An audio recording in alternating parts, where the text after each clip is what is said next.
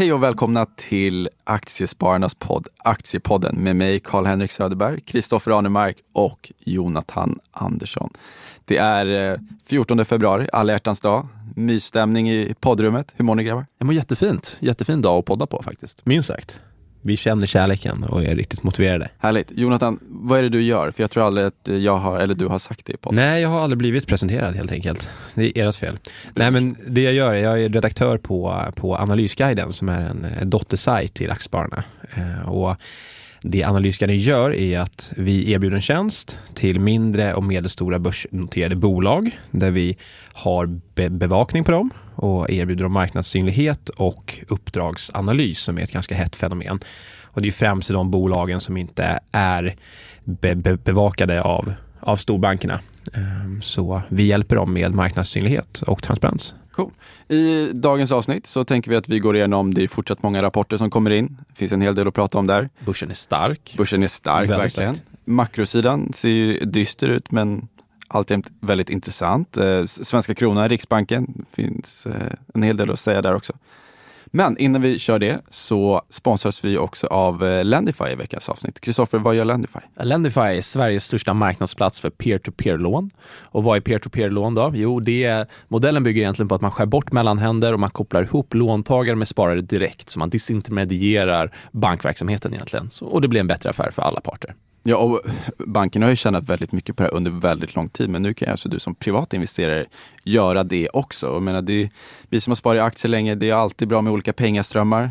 Kanske framförallt i tider av börsoro, volatilitet som det är nu. Och diversifierad bland tillgångslagen också. Ja men exakt, så då, där agerar ju Lend för ett eh, perfekt komplement. Och framförallt när inte bankerna ger någon direkt ränta, så det är perfekt. Ja, i en nollräntemiljö, ja, så absolut. Och nu ska ju då Lendify på allvar utmana de stora bankerna och man har säkrat finansiering på en miljard kronor från en av Sveriges största institutioner.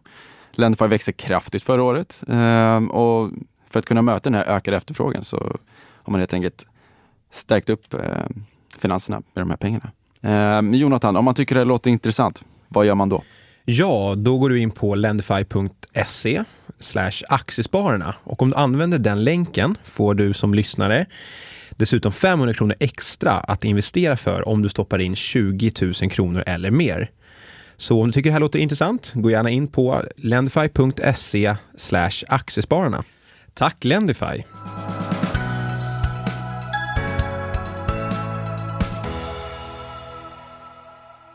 Okej, rapportperioden, vad har kommit in senaste dagarna? Attendo kom in i morse. Attendos rapport lämnade ganska mycket att önska. Ehm, Bolaget presenterade en rapport som var mycket svagare än väntat. Som vi vet så öppnar bolaget många nya vårdplatser och annat som, som man tar väldigt mycket uppstartskostnader när man eh, drar igång nya boenden och annat. Eh, så det drar man. Vad är det exakt Attendo gör? För ja, men man jobbar mycket med äldreomsorg och omvårdnad och liknande. Och man gör det här både i egen regi men också i, som entreprenad. Eh, tjänster åt andra, då, åt kommuner och andra. Ehm, så man, många har ju sålt in det här caset som ett stabilt växande bolag och man har ju fått en ny vd med Martin Tivéus också som var vd för Avanza tidigare. Och han var ju på Klarna en sväng också. Så det har ju varit ett ganska uppsnackat case i finans-Sverige. Men ja, aktien följer ju i skrivande stund eller i rådande stund 12 eh, procent någonting tror jag. Så ja, det såg inte jätteroligt ut. Hur var den framåtblickande synen från, från vd-kommentarer? Ja, men det är lite svårare att säga för du vet, eh, det är nya redovisningsstandarder. Mm. Eh, IFRS 16 som slår ganska hårt på, på resultaträkningen. Man måste omklassificera ja, vara operationell och finansiell leasing egentligen. Man, man tar bort dem och så nu ska man ha det i balansräkning istället. De här långa kontrakten man har på ja, de lokaler man hyr. Ehm, så, så det förändrar egentligen intäktsmixen lite. Kommer det vara en eh, fortsatt tillväxt på omsättningsbasis, men marginalsmällen blir ganska saftig, va? så som jag förstod det? Ja, alltså det, det som förändras egentligen, för du vet, förut så har man ju kunnat bara dra det liksom lite högre upp i resultaträkningen, men nu kommer det bli liksom, eh, belasta finansnetto och avskrivningstakten istället. Ehm, så egentligen så borde det inte vara något problem över hela kontraktslängden. Men det kan slå lite på början, i början i och med att de har öppnat så många nya boenden och annat. Så. Men det kanske kan vara en, ett eh, bra långsiktigt Jag skulle precis säga det. Du har ju den strukturella tillväxten där med åldrande befolkning och de har en stark marknadsposition också. Absolut. Jag, jag, jag tittar ju faktiskt på att hända här de senaste veckorna och mm. slogs just av att aktien var så otroligt svag. Och då började jag tänka, liksom, är det rapportläckage eller vad är det här? Vi tittar ju på bolaget i korta portföljen bland annat, men Ja, det är alltid viktigt att vänta in en rapport när man ser att aktien är lite så här halvsvag utan anledning och då fick vi det svart på vitt då att det var, mm. fanns någon riktig surdeg som låg och väntade. Men man, man har ju dock flaggat liksom redan i, i tredje kvartalet att, att IFRS skulle få en materiell påverkan på bolaget. Men hur det skulle vara och hur det skulle gestalta sig visste man inte riktigt. Och nu har man ju publicerat mer information om det. Så det, det Då kanske man kan vänta in en, en trendvändning i aktien innan man kliver in. Ja, det, det beror, det beror på vilket placeringsperspektiv man har. Ja. Eh, jag menar, som ni var inne på, det är ju strukturella trender i det här. Åldrande befolkning, det är ju någonting som vi alla möter i, i, i vår vardag. Eh, och det är ju någonting som ger förutsättningar för Attendos affärsmodell. Jonathan, om vi vänder blickarna mot eh, spelbolagen som du har rätt bra koll på. Både Nettan och eh, Leo Vegas var väl sådär, men Kindred var desto bättre. Ja, men de, eh, de levererar ju fortsatt eh, stark tillväxt, eh, men eh, det de flaggar upp för är väl också en, en, en bra start rent omsättningsmässigt i, i Sverige, men att eh, det kan bli lite tuffare på marginalsidan i, i form av att de har lämnat ut rätt höga bonusar så här i början av året för att man vill locka nya spelare. Men att eh, det kommer slå mot marginalen då och mm. även den nya skattesatsen om 18 procent kan ju innebära att det blir lite tuffare för dem. Just det, och vi pratade om det innan avsnittet. Det var 18 procent i Sverige, eller hur? Men sen så Exakt. ligger det inom ett intervall i Europa mellan 15 och 20 ungefär. Ungefär. Mm. Eh, så det finns ingen, ingen generell standard som man måste anpassa sig efter i Europa just angående skattesatsen. Men visst kan man väl säga att bolaget ändå på ett ganska imponerande sätt har lyckats absorbera vad man kan säga, den här den här spelskatten liksom, ja, genom verkligen. en bra kostnadskontroll. Eh, och, verkligen, och, och, de, de har ju kunnat skala väldigt bra när de, mm. när de går in i nya marknader som är reglerade också. Så eh, på så sätt är ju branschen intressant för de bolagen som är duktiga på att behålla kostnadskontrollen. Ja, för vi har ju sett nu ökade marknadsandelar Exakt. organisk tillväxt och ja. dessutom förvärv och de har ju starka kassaflöden och en stark balansräkning. Ja, och att, i eh, takt med att marknaden eh, och branschen konsolideras än, ännu mer så mm. kommer de nog kunna behålla den här. Vad säger du om Kindred, Kristoffer? Alltså jag, jag gillar ju det bolaget i grunden, men eh, man är ju lite skeptisk ändå till spelsektorn på det stora hela. Vi vet ju hur otroligt svag aktien var för bara några månader sedan. Och nu har du, alltså den försöker vända, den hade ju problem förut med att komma över 100 kronor. Låg där några, några veckodagar och sen så föll den tillbaka under igen. Så vi får se om den får, kan upprätthålla det momentum den ändå byggt här. Ja, eh, exakt. Och det kanske var en dubbelbotten som vi såg. Ja, och det, alltså det som jag tror är att 2019 kan nog vara ganska volatilt just för att bolagen måste hitta sin plats på den här reglerade marknaden och liksom lära sig förstå hur spelarna fungerar för att just kunna behålla en, en bra marginal. Så, så tror jag. Men det är självklart att det finns eh, vissa oroligheter och aktierna har ju fått ganska mycket smäll som vi vet under 2018 trots att de återhämtade sig under hösten. Jämförelsetalen är ju svåra också. Det är ja, inget fotbolls-VM i år exempelvis för, för Kindred, så klart att det kommer kännas.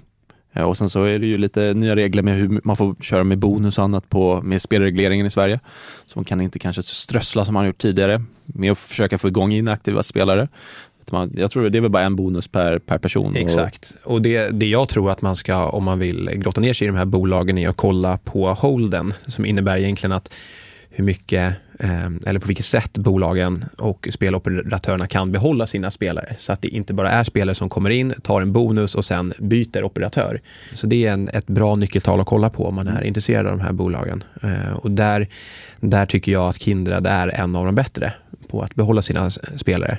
Trots att man bara kanske nu kommer kunna erbjuda en, en större bonus. Det ska bli jätteintressant också att se Ninja Casino eller Global Gamings rapport. Ja. De rapporterar ganska sent i februari tror jag. Ehm, och de, jag tycker man ser dem överallt nu, i tunnelbanan, på stan. Mm.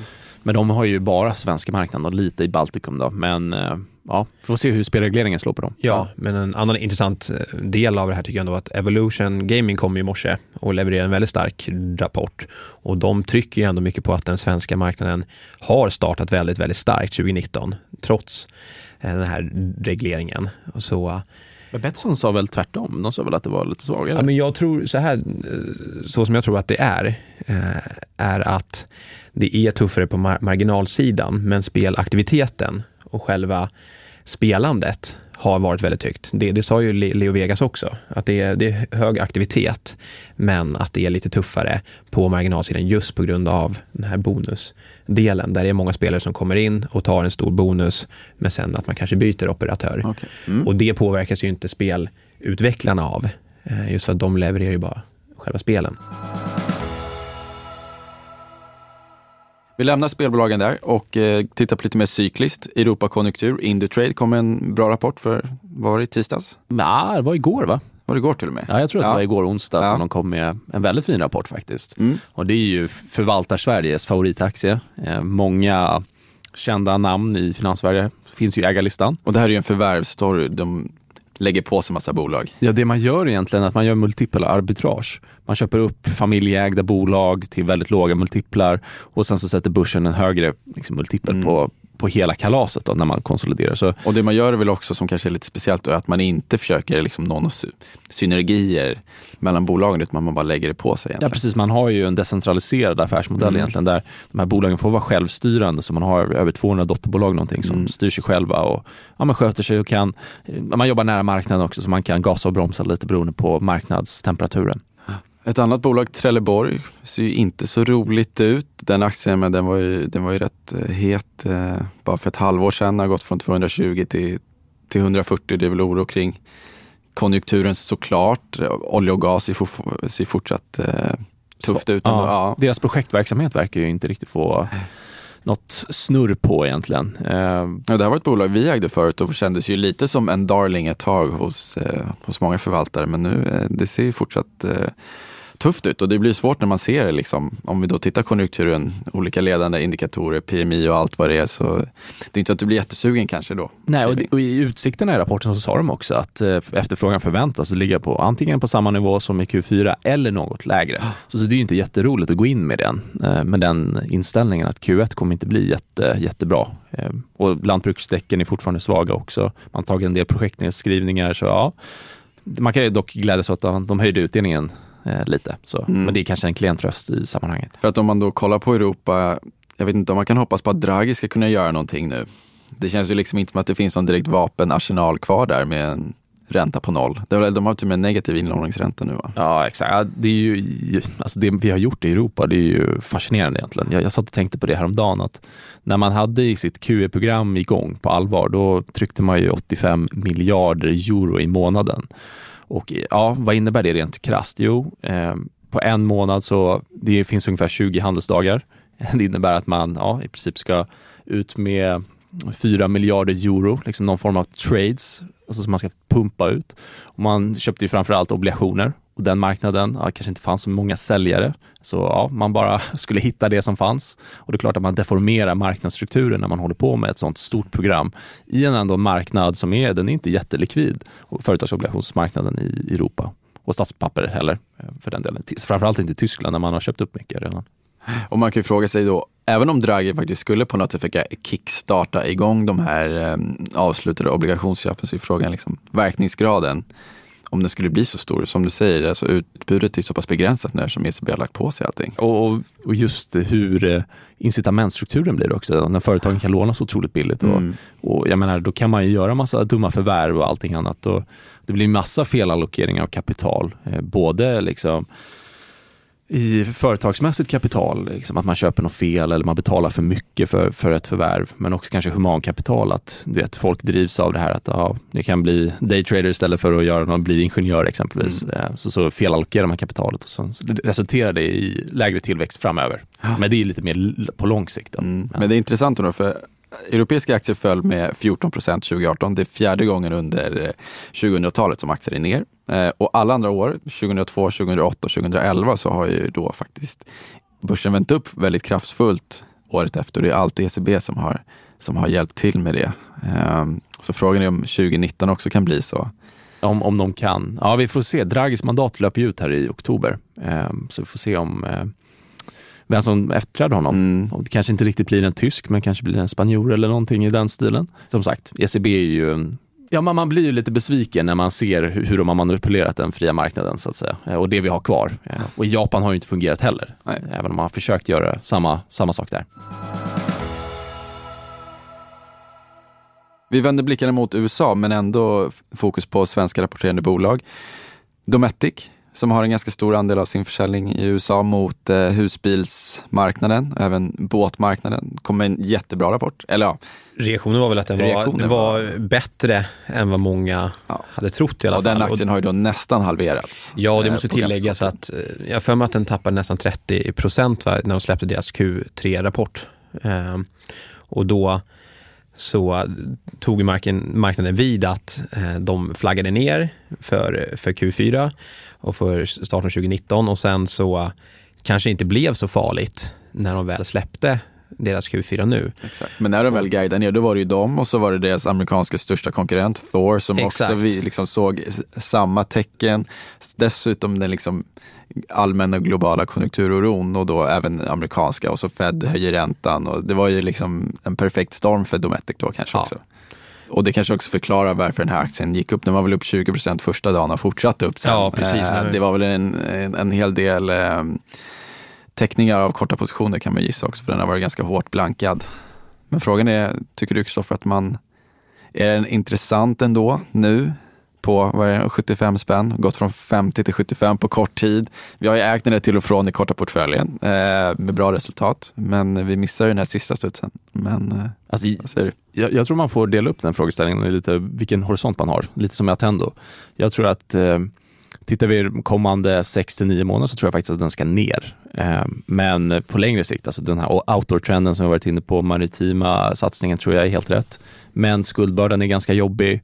Jag tror att eh, Ja, jag tror att de här big ticket items i USA kommer få det tufft. Eh, för det är ju så att du vet, räntehöjningarna har en fördröjd effekt och det, jag tycker vi ser det mer och mer på bilförsäljningen, hus, husförsäljningen, att det liksom rinner igenom. Eh, och jag tror att det kommer påverka RV-försäljningen och Men om Fed sänker räntan då?